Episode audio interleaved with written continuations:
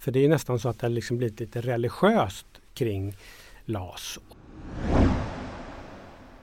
Du lyssnar på Samhällsvetarpodden med mig Ursula Berge. Idag ska vi prata om partsförhandlingarna som gav oss tre stora statliga utredningar hittills och en på gång.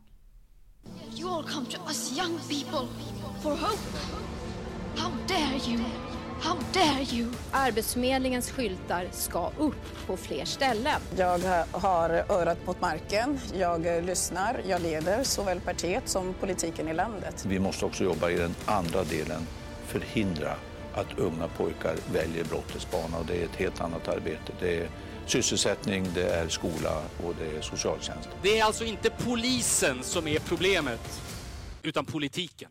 Hej och välkomna till Samhällsvetarpodden som leds av mig Ursula Berge, samhällspolitisk chef på Akademikerförbundet SSR. Vår gäst idag är Martin Westfeldt som är förhandlingsledare på PTK och förhandlingschef på Unionen. Och en av hjärnorna bakom det som beskrivs som den största reformen på arbetsmarknaden på decennier. Välkommen Martin! Tack så mycket! Det var en vecka sedan januaripartierna presenterade de tre bokstavsutredningar som inte hade varit verklighet om inte ni hade lyckats med partsöverenskommelsen i höstas. Vad tänkte du när du såg dem stå där? Ja, men jag tänkte att det var ett kvitto på väldigt mycket arbete som vi har lagt ner i de här frågorna. Att nu kan alla ta del av detta. Det är bra att det kommer på bordet. Mm. Var du stolt? Ja, men lite stolt är jag nog att vi har det är många med mig som har bidragit till att partierna kunde stå där och presentera. Och såklart väldigt mycket arbete i regeringskansliet också av många duktiga tjänstemän. Mm. Är det här den största reformen på svensk arbetsmarknad i modern tid som arbetsmarknadsministern sa? Eller kan det bli? Eller hur ska vi se det? Ja, jag vet inte det här och, och vissa har ju hakat upp sig på det där. Jag tror man kan säga att det är den största reformen på dryga 40 år i alla fall att det här är ett systemskifte på svensk arbetsmarknad och senast vi hade ett stort systemskifte var ju i mitten på 70-talet. Mm. Um, nu utgår vi lite i den här podden ifrån att alla vet vad de här partsöverenskommelserna är, vad som ingick i principöverenskommelsen och vad de tre bokstavsutredningarna handlade om. Så, så uh, vi börjar någonstans där. Uh, och väldigt många började med att prata om detta att detta var LAS-utredningen. Men när i ditt huvud föddes tanken på att arbetsrätten ska läggas i en vågskål tillsammans med omställning och livslångt lärande för att få till den där balansen som det stod så tydligt i januariöverenskommelsen att ni måste uppnå? Jag skulle säga att det första gången i slutet på 90-talet så, så skulle jag skriva någonting på dåvarande SIF kring liksom betydelsen av verklig anställningstrygghet och då vad anställningsbarhet liksom betydde utifrån verklig trygghet. Så det är nog första gångerna som jag liksom på allvar, och det här är ju en fråga som har hållit på eh, så länge jag har jobbat eh, i den här världen. Så att mm. första gången för mig är slutet på 90-talet. Och då pratar vi ju om eh, mer än 20 år. Ja, men det är så det har varit och det är ju så Stora frågor tar lång tid. Det är väldigt många som är berörda. Det har stor påverkan. Sen när det blev ännu mer skarpt arbete för mig första gången, det var ju då under de så kallade huvudavtalsförhandlingarna mellan LO, PTK och Svenskt Näringsliv i slutet på, på 2000-talet, alltså 2007, 2008, 2009 där. Och så gick ju det i backen och sen höll ju PTK på ett par år de första åren på 2010-talet. Så att jag har levt med de här frågorna länge och hållit på med dem mycket under många år. Mm. Jag tänkte backa tillbaka till, mm. till slutet av 90-talet där med att du nämner det. Då råkade jag jobba på regeringskansliet och jag vet att dåvarande statssekreteraren Sture Nord hade ett, ett skrivbordsförslag om individuellt kompetenssparande. Det vill säga det fanns ju alla möjliga tankar mm. också inom politiken på att hitta lösningar för livslångt lärande. Mm. Varför funkar inte det och varför är vi så nära någonting som kan funka nu? Ja, men vår bedömning har väl varit att det måste vara en kollektiv insamling. Det går inte att åstadkomma det här på rent individuell grund för då tar det för lång tid till man har tillräckligt mycket. Då har liksom tåget gått när man har medel att använda. Så därför behöver det vara så att säga en kollektiv insamling som det blir genom att det här är en del i våra omställningssystem och att det sen behövs en statlig bottenplatta då som nu är det så att säga, statliga omställningsstudiestödet. Det har ju varit lite olika varianter på hur staten skulle så att säga, bidra i detta i de diskussioner som har varit under årens lopp. Men det stämmer att det där var en, en idé som ju var ganska långt framskriden men som stupade och eh, där i alla fall PTK gjorde analysen att Eh, det behöver ske på kollektiv grund och det har ju Svenskt Näringsliv under lång tid varit kategoriskt emot att skapa nya system där man kollektivt samlar in medel. Men till sist här då så hittar vi en modell som, som eh, vi tillsammans tror på och tycker är bra. Och i den här modellen bygger det lite på att om man ser det som vågskål att, att arbetsrätten förhandlas på ett sätt och, och det kompenseras av omställningsstudiestöd och eh, den här eh, nya omställningsorganisationen för de som inte eh, omfattas av, av kollektivavtal.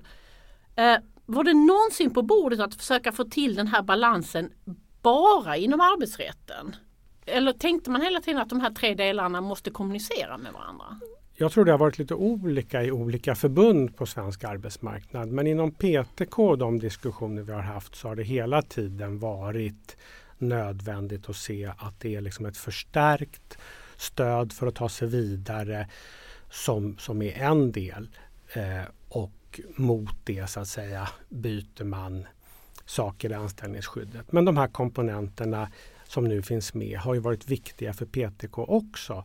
Men att det bara skulle vara så att säga en LAS-fråga, det har inte varit aktuellt för PTK. Um, ehm, man kan ju säga det så här. I januariöverenskommelsen stod det att om parterna hittar en annan överenskommelse så ska den gå före den lagstiftning som som, som eh, lagstiftningsförslag som fanns i den så kallade Toijo-utredningen. Och där kan man säga att du som företrädare för privat sektor, privat sektor har ju varit duktigast i klassen på det här kan man ju säga och ni gjorde tidigt egna utredningar. 2017 och 2019, 2020 ni gjorde gedigna underlag eh, om arbetsrätt, omställning och a-kassa. Hur betydelsefullt har det här inledande fotarbetet varit för det vi står idag inför?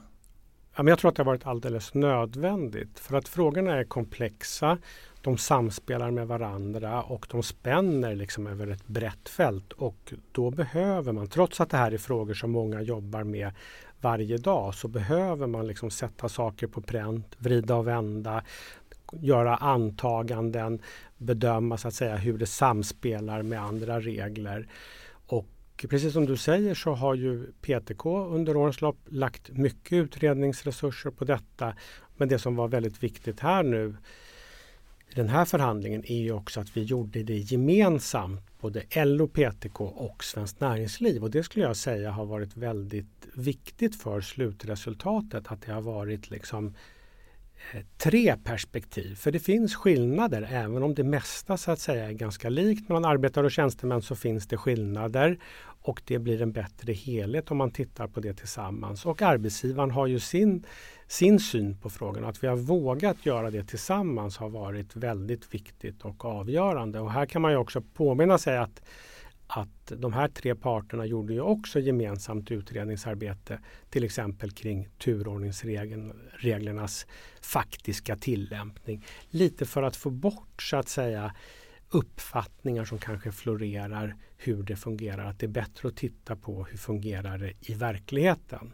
Jo, för ibland kan man känna lite att debatten styrs av en massa föreställningar som kanske inte har så mycket verklighetsförankring. Vill ni få till den här alltså minsta gemensamma nämnaren av gemensam verklighetsbild? Ja, det har ju varit en, en, en viktig utgångspunkt skulle jag säga för parterna bakom detta. Och Det finns en aspekt till som gör att det här är viktigt och det är ju eftersom vi då har accepterat att det här ska ske i samspel med lagstiftaren. Eh, egentligen borde vi kollektivavtalsparter tycker jag då, återtar regleringen helt själva. Men det har vi bedömt inte är realistiskt, kanske inte heller är önskvärt i alla delar. Och då måste det ske i samspel med, med politiken, med lagstiftaren. Och då är det också viktigt att vi kan presentera våra tankar och våra slutsatser och våra antaganden. Annars blir det ju väldigt svårt att så att säga få ett åtagande eller ett commitment från från politiken om vi bara pratar men inte kan sätta på pränt det vi liksom tycker. Mm. Har detta förberedande arbetet också lett till, alltså om man ska vara lite eh, Uh, ärligt får jag intrycket av att ni har ganska bra personkemi. Ni som har suttit i de här gemensamma uh, rummen och jag har poddat med både Mattias Dahl och Camilla Frankelius och alla möjliga och får intrycket av att ja, ni respekterar varandra. Ja, nej men absolut och så är det väl att om man jobbar inten intensivt tillsammans då lär man känna varandra, man förstår varandra bättre och det är liksom lättare att hitta vägar framåt i svåra frågor. Och det här är ju verkligen en förhandling som har varit kantad av mycket svårigheter. Och det är viktigt att säga också att, att eh, det som skedde då i oktober när LO sa nej, vilket vi respekterar, det är ju inte bra för helheten och eh, allt det du frågar om, den personkemin vi har jobbat tillsammans, den har ju fungerat eh, bra mellan alla tre parter, alltså LO, PTK och Svenskt Näringsliv. Vi har jobbat bra tillsammans alla tre och återigen kompletterat varandra och haft olika perspektiv, olika kunskaper med oss, olika så att säga, traditioner hur vi tar oss an frågor också. Mm. Och um jag kan slå lite, eh, slås lite av att, nu har jag läst ganska många av de här dokumenten eh, genom åren och jag kan ju slås av att de här eh, inledande utredningarna ni har gjort och det som sedan blev partsöverenskommelsen och det som sedan blev bokstavsutredningarna. Att det finns en väldigt tydlig linje och att ni har hållit fast vid den och att ni också fått faktiskt de statliga utredningarna att, att ligga ganska nära. Jag kan säga mer än en gång har jag hört det här att ja, men det här är inte i enlighet med överenskommelsen så vi säger nej. Alltså hur trogna har ni varit den här inledande överenskommelsen?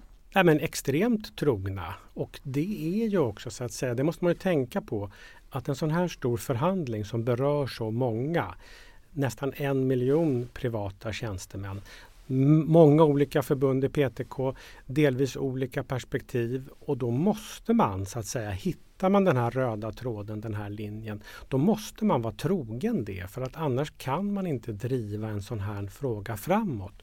Då får man börja om hela tiden. Och det är det som har varit utmaningen under årens lopp. Att I teorin tycker alla att det här är självklart och bra. Men när man ska genomföra det i praktiken så är det svårt för att man just kanske av något skäl byter linje under resans gång. Mm. Och jag tänkte säga, en sak är att ni har varit väldigt trogna den, är, det, den gemensamma verklighetsbilden och de gemensamma uppgörelserna ni har gjort. Men i januariöverenskommelsen punkt 20 finns det ett antal ord som balans, flexibilitet, mot godtyckliga uppsägningar. Det vill säga den beställning som januaripartierna gjorde gentemot först torgutredningen men sen indirekt gentemot er. Eh, rättssäkerhet, omställningsförmåga, lägre kostnader vid uppsägning, skydd mot godtycke. Mm. Hur nära tycker ni, tycker du att den här, de här tre bokstavsutredningarna ligger den beställningen? Ja, det där får kanske andra värdera. Alltså, vi har ju tänkt eh, valt att tänka ungefär så här att vi har förhållit oss i PTK till januariavtalet. Vi tycker inte om det. Det är liksom inte för att lösa ett politiskt problem vi har förhandlat. Men vi har ändå valt att förhålla oss till det och det har ju satt viss eld i baken eftersom så att säga, det finns ett bakomliggande politiskt tryck där vi från PTK tycker ganska illa om en del av de idéer som så att säga finns inskrivet i detta. Sen är det ju hela tiden liksom kan man ju läsa det där lite som man vill. Eh, men det, den stora skillnaden egentligen mot januariavtalet och det som blev den här överenskommelsen är att vi har tagit ett bredare grepp, flera frågor och ett mera omfattande systembygge. Eh, och det är ju en fördel som parterna har eftersom vi har institutioner. Vi kan skapa det på ett annat sätt än det är i alla fall svårare för staten att ta ett lika brett grepp som vi har gjort. Mm. Och det här breda greppet innebär ju också som sagt att det ska byggas ut en helt ny eh, form av omställningsstudiestöd där du mm. mitt i arbetslivet om du har jobbat mer än ett år med ett antal kriterier men dock ska ha möjlighet att studera upp till 44 veckor med 80% eller 65% av din mm. lön beroende på vilken lön du har. Eh, plus att ni, ni, det byggs upp en helt ny omställningsorganisation för alla som idag inte omfattas av en. Eh, hur beredda var ni på att eh, staten var beredd att bränna 11 miljarder om året på det här? Nej men alltså man kan säga så här att, att det finns en angelägenhet att, att hitta en modell för ett livslångt lärande. Det skulle jag säga har ju varit tydligt och klart under lång tid. Sen är det ju lite som när parterna pratar om och hyllar den svenska modellen. Det är ju lättare att göra det i teorin än i praktiken. Det är lättare för politiker i teorin att prata om livslångt lärande än att såklart lägga förslag som man nu har gjort som blir så konkreta. För det är klart att det är ett stort statligt åtagande men vi har aldrig hymlat med det att vi har bedömt att det krävs. Så här har vi ju tagit oss an en extra stor uppgift också eftersom det här, när staten skapar ett system, då måste ju det gälla för alla sektorer, för alla på arbetsmarknaden. Och då blir det ju genast väldigt stort och därmed mycket pengar.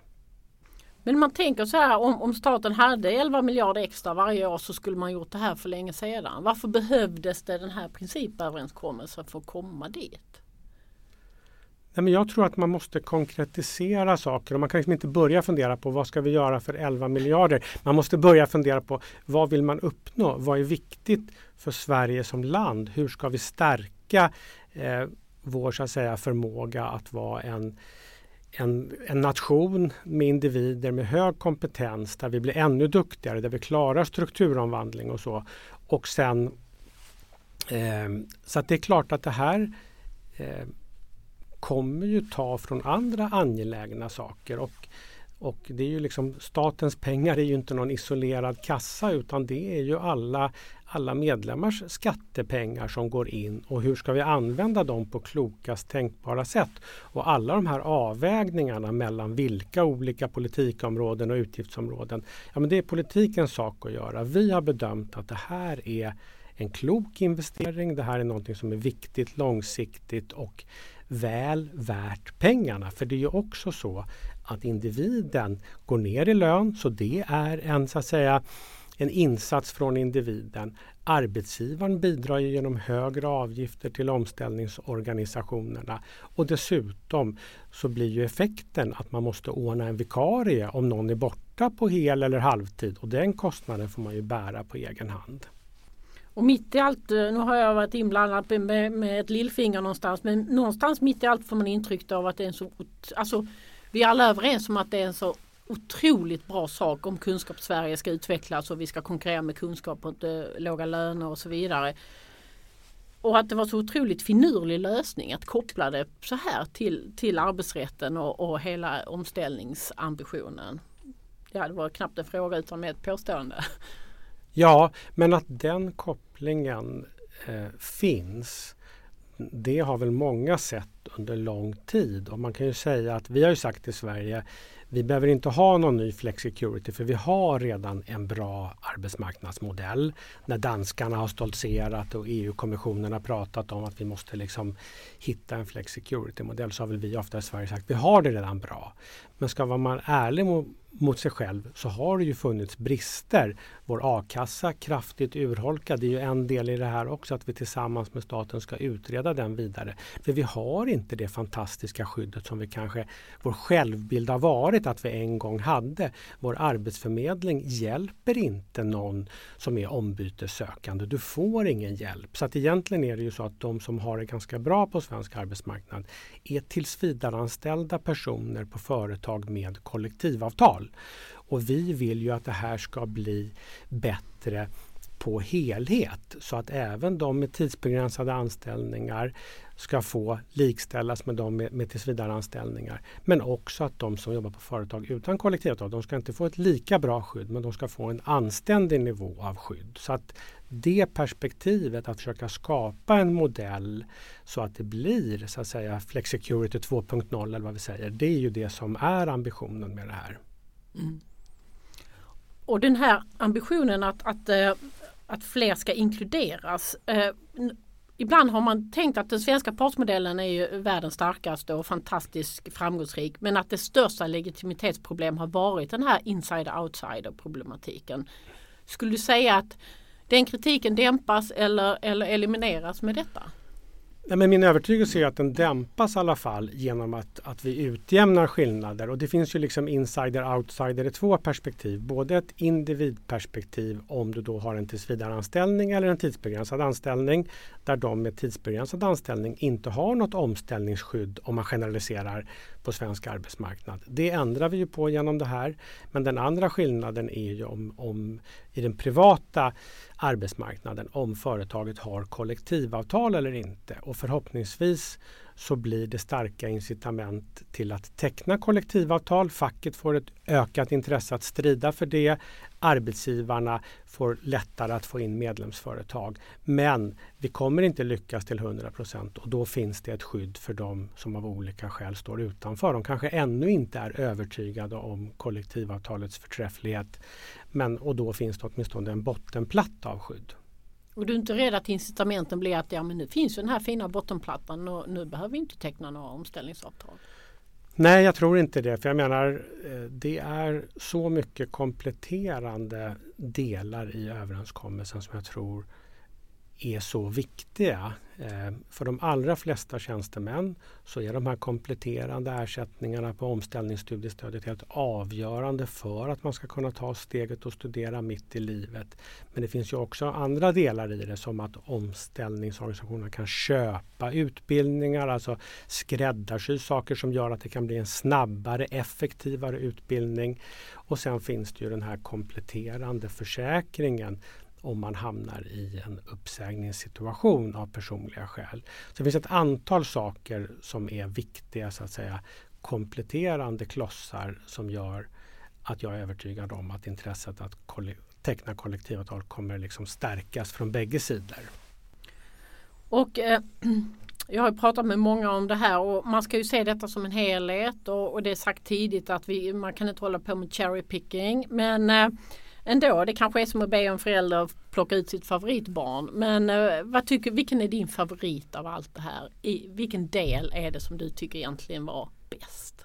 Ja, men det är frågor man får hela tiden och det är faktiskt ingen del som är bäst. Om man ska titta på vad, vad som är en liksom helt ny komponent i det här så är ju det regleringen kring, alltså att vi inför den här omställningsstudiestödet. Det är en helt ny del regleringen kring bemanning för uthyrning är också en helt ny del eh, som vi för in genom det här. Så det finns ett antal olika saker där det faktiskt är helt nya komponenter där vi inte bara skruvar i befintliga. Även den här saken hur man ska räkna anställningstid vid så kallade sms-anställningar eh, hoppas vi ska leda till att det i verkligheten blir mycket lättare att få sin anställning omvandlad. För det har ju varit ett stort praktiskt problem att det är väldigt svårt att komma upp i de så att säga, trösklar som finns i systemet. Det är också en helt ny komponent om man ska peka på några saker.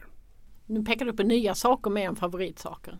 Ja, men jag, alltså man kan inte säga att det finns någon favoritsak. Nej, jag förstår det. men jag försöker ändå. Mm. Det finns ju en del som tycker att det här är en svekdebatt från facket eh, och, och, att den är jämförbar med strejkrättsutredningen, eh, eh, strejkrätten. Mm. Om du ser på förändringarna i arbetsrätten, vad tror du är jobbigast för facket att försvara av detta? Ja, men ett perspektiv är ju att man överhuvudtaget ska så att säga gå in i en förhandling eller överhuvudtaget göra förändringar. För det är nästan så att det liksom blivit lite religiöst kring LAS. Och där måste man komma ihåg också när man tittar på det här att när det tillkom på 70-talet så visste man inte exakt hur rättsutvecklingen skulle bli. De förarbetena var ju inte jätteutvecklade i den propositionen 1973 och sen har det kommit en omfattande praxisbildning. Men det är ju också så att eftersom arbetsgivarna inte har accepterat detta så har ju skyddet urholkats i praxis och det har också gjorts lagförändringar. Nu när man pratar om detta så jämför man på något sätt med hur förhoppningarna var på den fackliga sidan på 70-talet. Men tyvärr har ju inte de infriats av många olika skäl. Så det är liksom ett viktigt perspektiv när man tittar på det här att man måste se sanningen i vitögat. Hur ser det ut idag? När så många är visstidsanställda och tyvärr på allt kortare kontrakt ja då måste man ju ställa sig frågan, är det här liksom ett, en, på totalt sett en rimlig skyddsnivå? Är tryggheten tillräcklig? Och då får man konstatera nej, det är den inte utan det är nödvändigt att göra saker och då kan man inte uppnå fördelar om man inte också accepterar vissa nackdelar. Men det är klart att både det här kring personliga skäl där det för PTK var oerhört viktigt att behålla det här kravet på objektivitet som då uttrycks i saklighet. Att det ska vara en saklighetsprövning. Det var oerhört viktigt. Sen tycker vissa att det vi har gjort är ett för stort ingrepp ändå men det är ju inget tu tal om att det är kvar en så att säga, objektiv prövning. Det är inte arbetsgivaren som bestämmer. Det är väl liksom den ena frågan och sen kring turordningen. Hur kommer detta i realiteten påverka en arbetsbristförhandling? Hur stor inverkan får de här undantagen? Och en stor förändring är ju att anställningen upphör vid tvist och så har det inte varit hittills. Skulle inte du kunna beskriva vad som är förändringen? Det här med... Ja, man kan säga att förändringen är att om du blir uppsagd av personliga skäl i dagsläget då om den ogiltig förklaras då består anställningen under tvisteförhandlingar och under efterföljande domstolsprocess. Och det gör ju att arbetsgivaren får bära en kostnad. Ehm, och det bygger ju på idén att individen ska vara på arbetsplatsen och jobba. Men det är ganska få som gör det så arbetsgivarna upplever att man betalar någonting utan att man får något arbete i gengäld.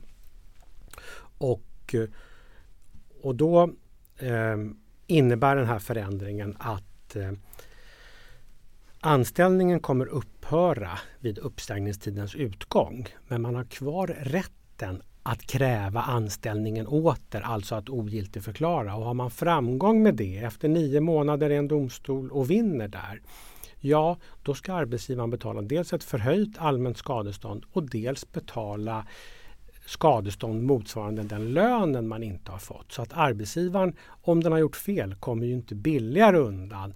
Men man får inte pengarna under tiden. Och den som har gjort rätt får ju en mindre kostnad, alltså där det var sakliga skäl av personliga skäl. Den arbetsgivaren får ju en lägre kostnad och då har vi ju konstruerat den här, dels en förändring i a-kassan så att du kan få a-kassa i en sån här situation och dels en kompletterande kollektivavtalad försäkring då, så att du har möjligheter att ha råd att tvista.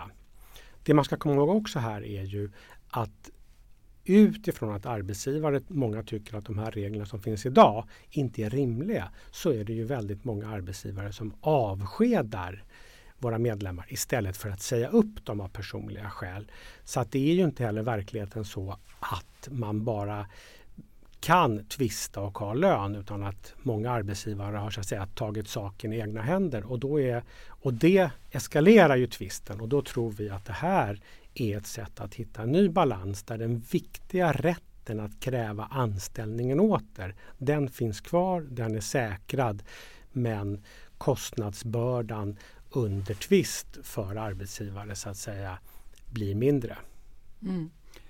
Och en tanke är ju att det ska gå lite snabbare i sådana här processer. Eh, ja, det blir i alla fall inte ett fackligt incitament att dra ut på det. Nej. Eh, finns det en risk att, eh, och det är en eh, återkoppling jag har fått från våra förbundsjurister, finns det en risk att det går för snabbt, att man får dåliga underlag och att det leder till domstolsprocesser med, som blir mer omständliga?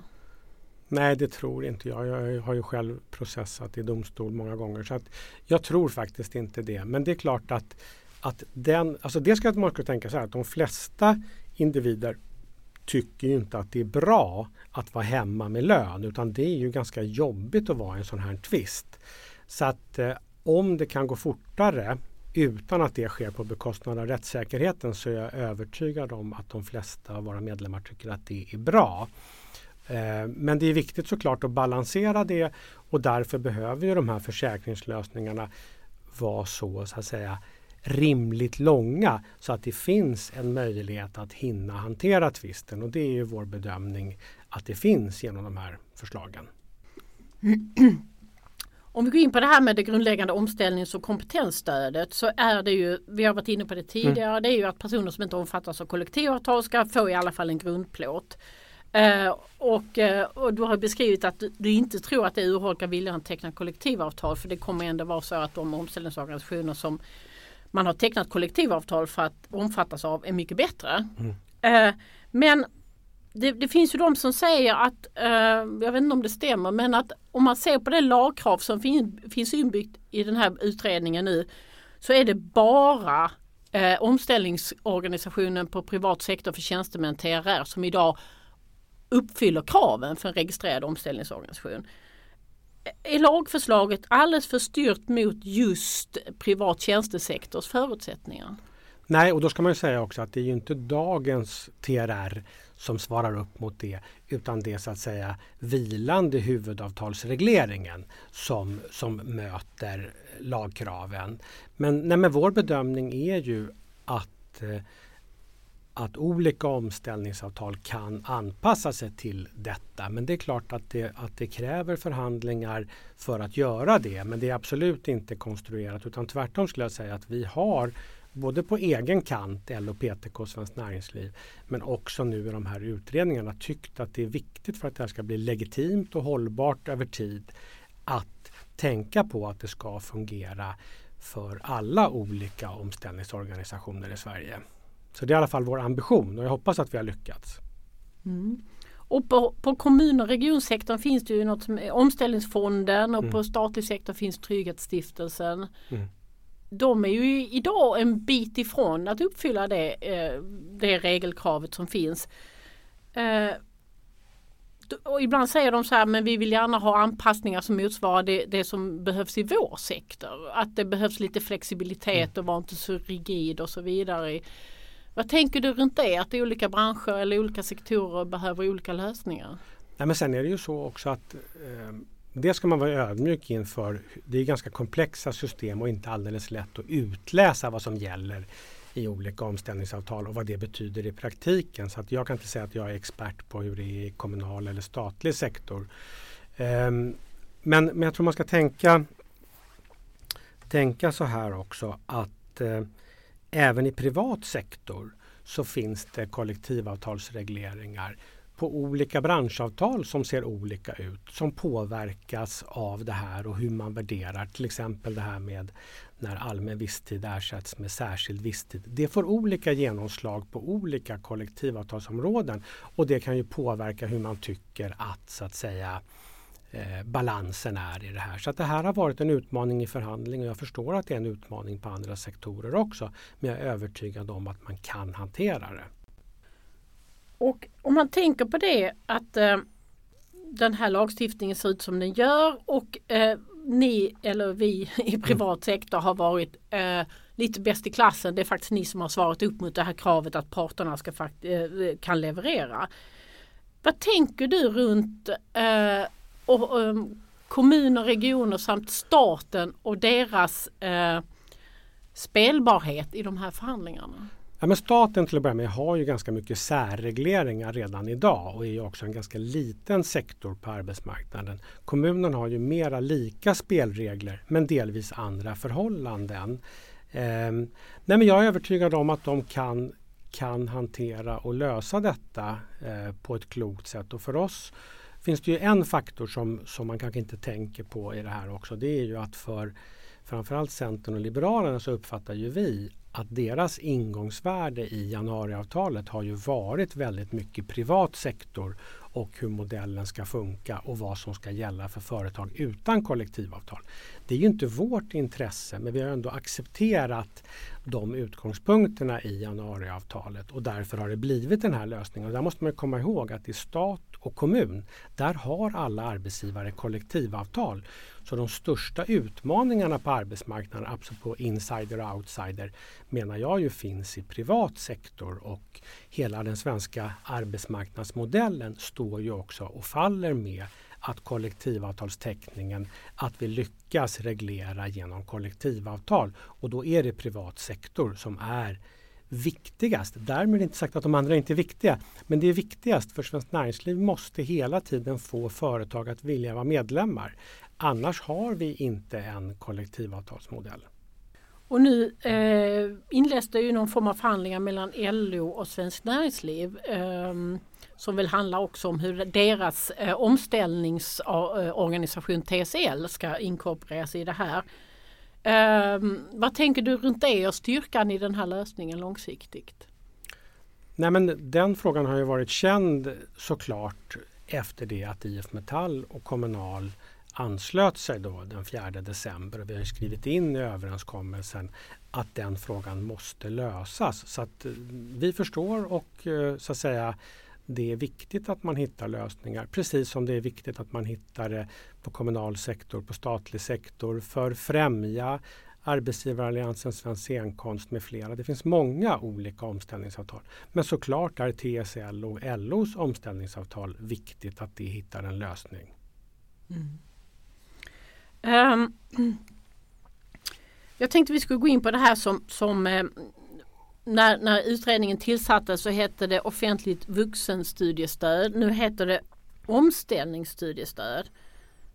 Och först och främst, varför heter det så? Omställningen för mig mellan jobb. Men ja, och det där kan man ju diskutera för att vi har ju, an, ja, men alltså, vi har ju använt begreppet, försökt att, att lägga klossarna omställningsstöd och kompetensstöd. Och man kan säga att omställningsstudiestödet är ju den största delen i kompetensstöd. Det finns ju andra delar också, vägledning och rådgivning. Men pekuniärt så är det ju så att säga ersättningen för att kunna studera som är den stora, stora delen i detta.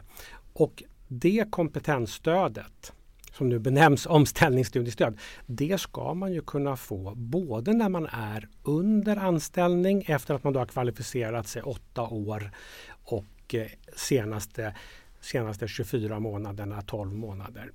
Då ska du kunna få det. Det här omställningsstudiestödet då, som du ska kunna få eh, det ska du kunna få både under anställning men också när du är i en mer traditionell omställningssituation. Alltså uppsagd typiskt sett på grund av arbetsbrist. Och då valde utredningen att lägga det här namnet. Så att jag tror att det kommer fungera men jag förstår din poäng att det inte riktigt träffar under anställning. Man kan säga så här att den nya omställningen blir ju så att säga ett omställning och kompetensstöd under bestående anställning men också efter att anställningen har upphört. Mm. För alltså, nu, jag, vi företräder ett, jag företräder ett akademikerförbund och våra medlemmar blir inte jätteofta uppsagda på grund av arbetsbrist utan det som vi upplever är den alltså, fantastiskt i den här reformen det är ju förutsättningar att mitt i arbetslivet kunna kompetenshöja sig. Men om man kallar det omställningsstudiestöd och om man kanske kallar att det handlar om att öka anställningsbarheten så drar det mer mot någon form av tidig arbetsmarknadsåtgärd strax före du blir uppsagd. Mm.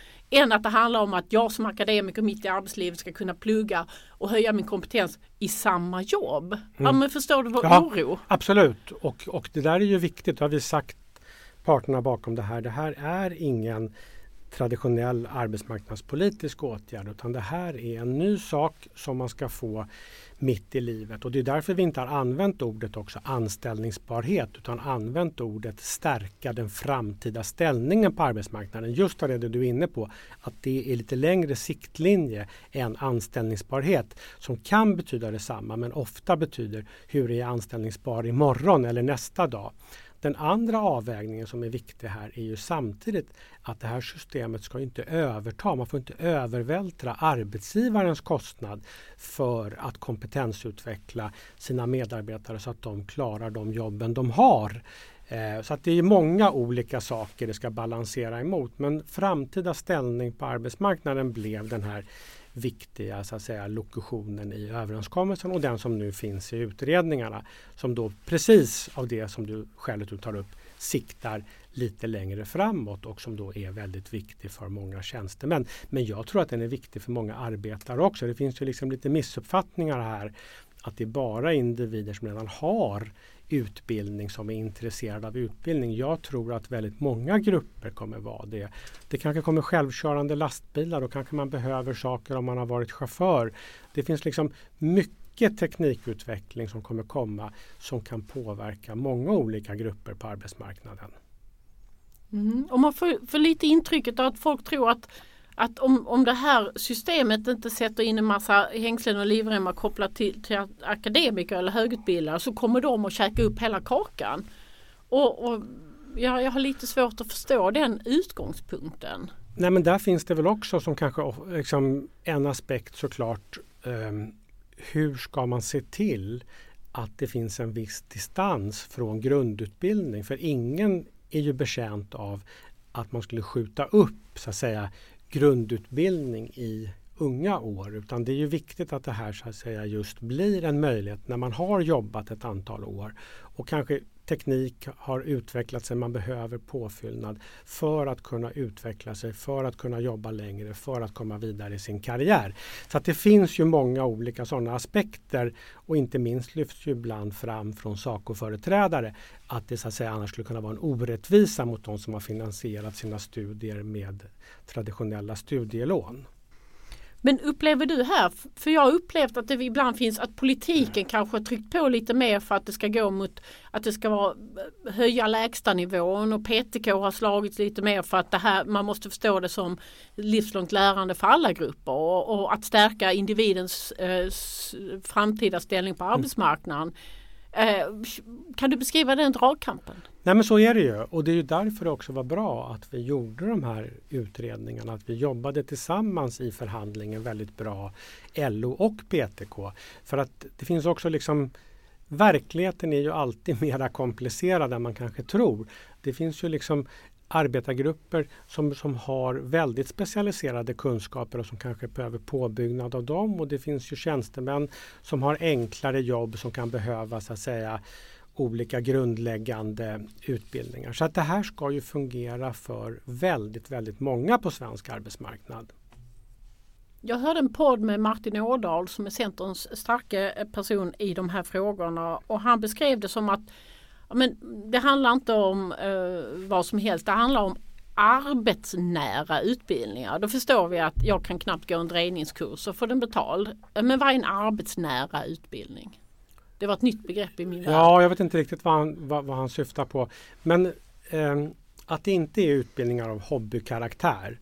Det har ju varit viktigt för PTK att ha det synsättet att det ska vara sånt som stärker. Och det är ju viktigt att om man skulle gå utbildningar som är av hobbykaraktär, som kanske är jätteroliga, man vill göra självförverkligande, men det inte leder, då kommer det riktas en besvikelse mot oss om vi har ett system där man får stöd för det och sen kommer du inte vidare. Så det finns ju ett, ett egenintresse hos oss att säkra att det blir utbildningar som stärker den här framtida ställningen på arbetsmarknaden Samtidigt ett intresse att arbetsgivaren inte kan övervältra sånt som de ändå skulle göra. Och mot de här då olika intressena så blev det de här skrivningarna framtida ställning med beaktande av arbetsmarknadens behov och viktigt för oss då att det inte blir så att man ska sitta på CSN med bristyrkeslister. För då vet vi att många privatanställda tjänstemän skulle inte komma bra ur de prövningarna.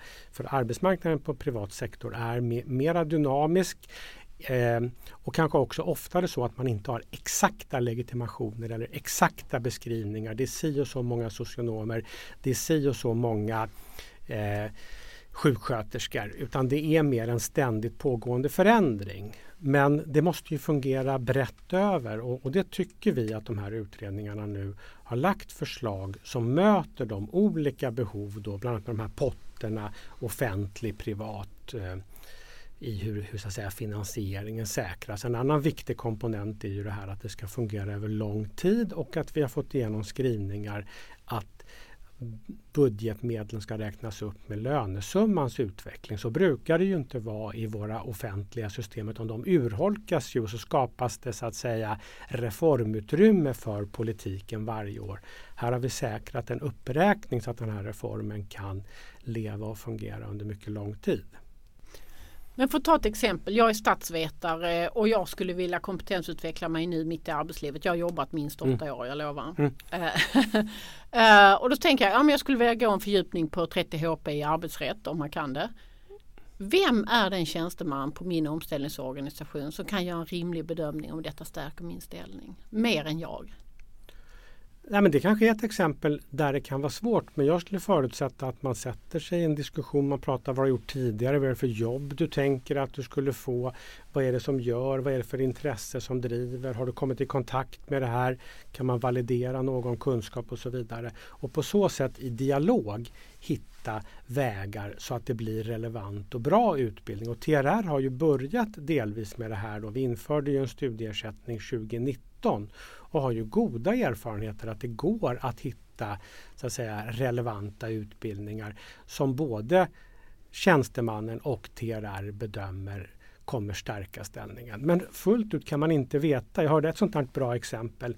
Någon som gick på Musikhögskolan kan man tänka, vad blir det för jobb av det? Den personen jobbar nu på BMW konstruera billjud så att det ska låta vackert och klanga fint eller ha fint klang i bilarna. Så det är ju alltid såklart väldigt svårt att veta vad olika utbildningar exakt kan leda till. Mm. Och då tänker jag att, att jag, om jag är en seriös äh, arbetstagare på arbetsmarknaden, mm. att jag som individ är bäst på att bedöma det här. Alltså hur mycket ska individens rätt spela roll och hur mycket ska arbetsmarknadens behov bedömt av någon konstig Nej men då kan man säga att, att, en väldigt viktig sak för oss är ju att det är en rättighet eh, att få det prövat, att det ska vara tydliga kriterier, de ska finnas i lag och det ska vara ett starkt inflytande från de olika omställningsorganisationerna.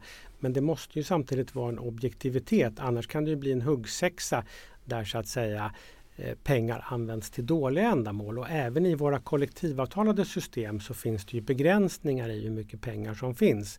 Så att det här att hushålla klokt har ju visat sig långsiktigt bra i våra egna organisationer och det tror vi kan appliceras på den här nivån också. Mm. Och som sagt en viktig del i den här med omställningsstudiestödet är ju också, det är en bottenplatta att man kan få eh, drygt 20 000 i, i, i månaden av staten. Men sen på privat sektor genom TRR toppar ni upp med ett kompletterande studiestöd som innebär att du kan få en andel av din lönesumma ända upp till 12 inkomstbasbelopp mm. som är 65-70 000. Det är ju en rejäl toppning som ingen annan sektor bjuder på idag. Nej, det men det har vi inte haft på samma sätt i TRR här så det här är ju en framförhandlad komponent men som såklart är väldigt viktig så att att eh, även välbetalda får en möjlighet att ha råd att studera mitt i yrkeslivet.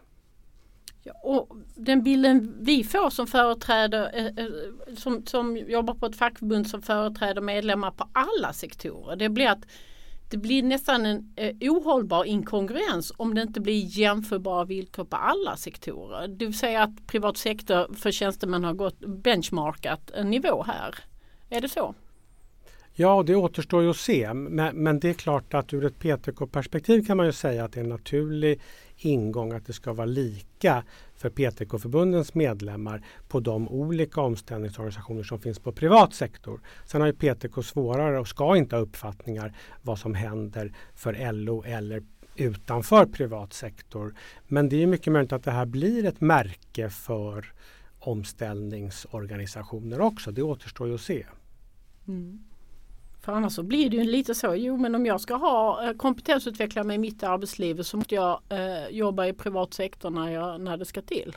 Om jag ja. ska få... men, men det är ju också så idag att eh, saker skiljer sig åt och det är ju lite tjusningen med ett kollektivavtalssystem också att det finns variationer och det finns olika saker som är för och nackdelar på olika områden. Så det är svårt att bara plocka ut en enskild komponent. Det kan ju vara andra saker, det kvalifikationsregler eller annat stöd och så som skiljer sig åt också. Jag tänkte eh, avslutningsvis att vi skulle prata lite om det här lilla sladdbarnet ni har. Eh, det vill säga den kollektivavtalade a-kassan mm. som ju också fanns med i principöverenskommelsen men med några korta meningar bara. Och jag har hört ett, ett föredrag av Anders Färbe som utreder det. Och det är en otroligt spännande hjärngymnastik att fundera runt det här. Vad tänker du runt kollektivavtalad a-kassa där vi tror vi kan få ett direktiv första juli? Ja, nej men vi tänker att eh, frågan kom ju in i förhandlingen ganska sent eh, och eh, det var LO som så att säga väckte den när man liksom tänkte utanför boxen. Och eh, Svenskt Näringsliv har ju haft en inställning att det borde vara en obligatorisk och statlig a-kassa. Det har ju både LO och PTK sagt tvärnej till. Så kan vi inte ha det. Då tror vi att vår modell skulle raseras. Och då blev det här ett sätt att se, kan vi hitta en väg framåt där vi även kring arbetslöshetsersättning skapar en större stabilitet, långsiktighet och där båda parter kan tjäna på detta. Låt oss utreda detta. Och först sa alla det är helt omöjligt. Och sen så satte vi till experter från parterna och anlitade Anders Färbe då som en oberoende ordförande. Och den gruppen visade ju, hör och häpna, ja det borde fungera. Det finns möjligheter. Det är inte otänkbart. Det är komplicerat men det är inte otänkbart.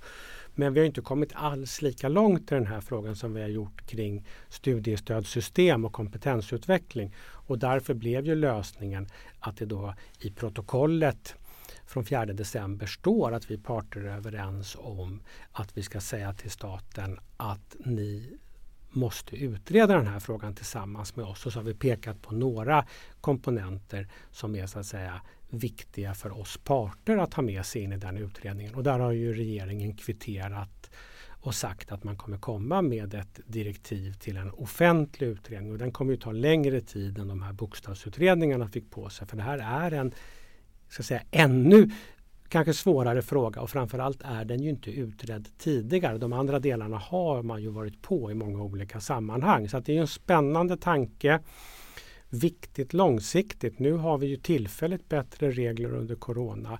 Men om vi backar tillbaks innan Corona så är det faktiskt så att vi inte har en a-kassa värd namnet. Det är väldigt många tjänstemän som inte kvalificerar sig till ersättning. Man har jobbat för lite, man klarar inte de här kvalifikationsreglerna och ersättningsnivåerna är inte tillräckliga. Och då har ju många förbund kompletterat det med inkomstförsäkringar. Men i längden kommer inte det vara hållbart att finansiera de inkomstförsäkringarna med skattade pengar via medlemsavgiften utan man behöver hitta en bättre så att säga gemensam lösning här. Och det här är ju en oerhört viktig komponent för att få hela arbetsmarknaden att funka bättre.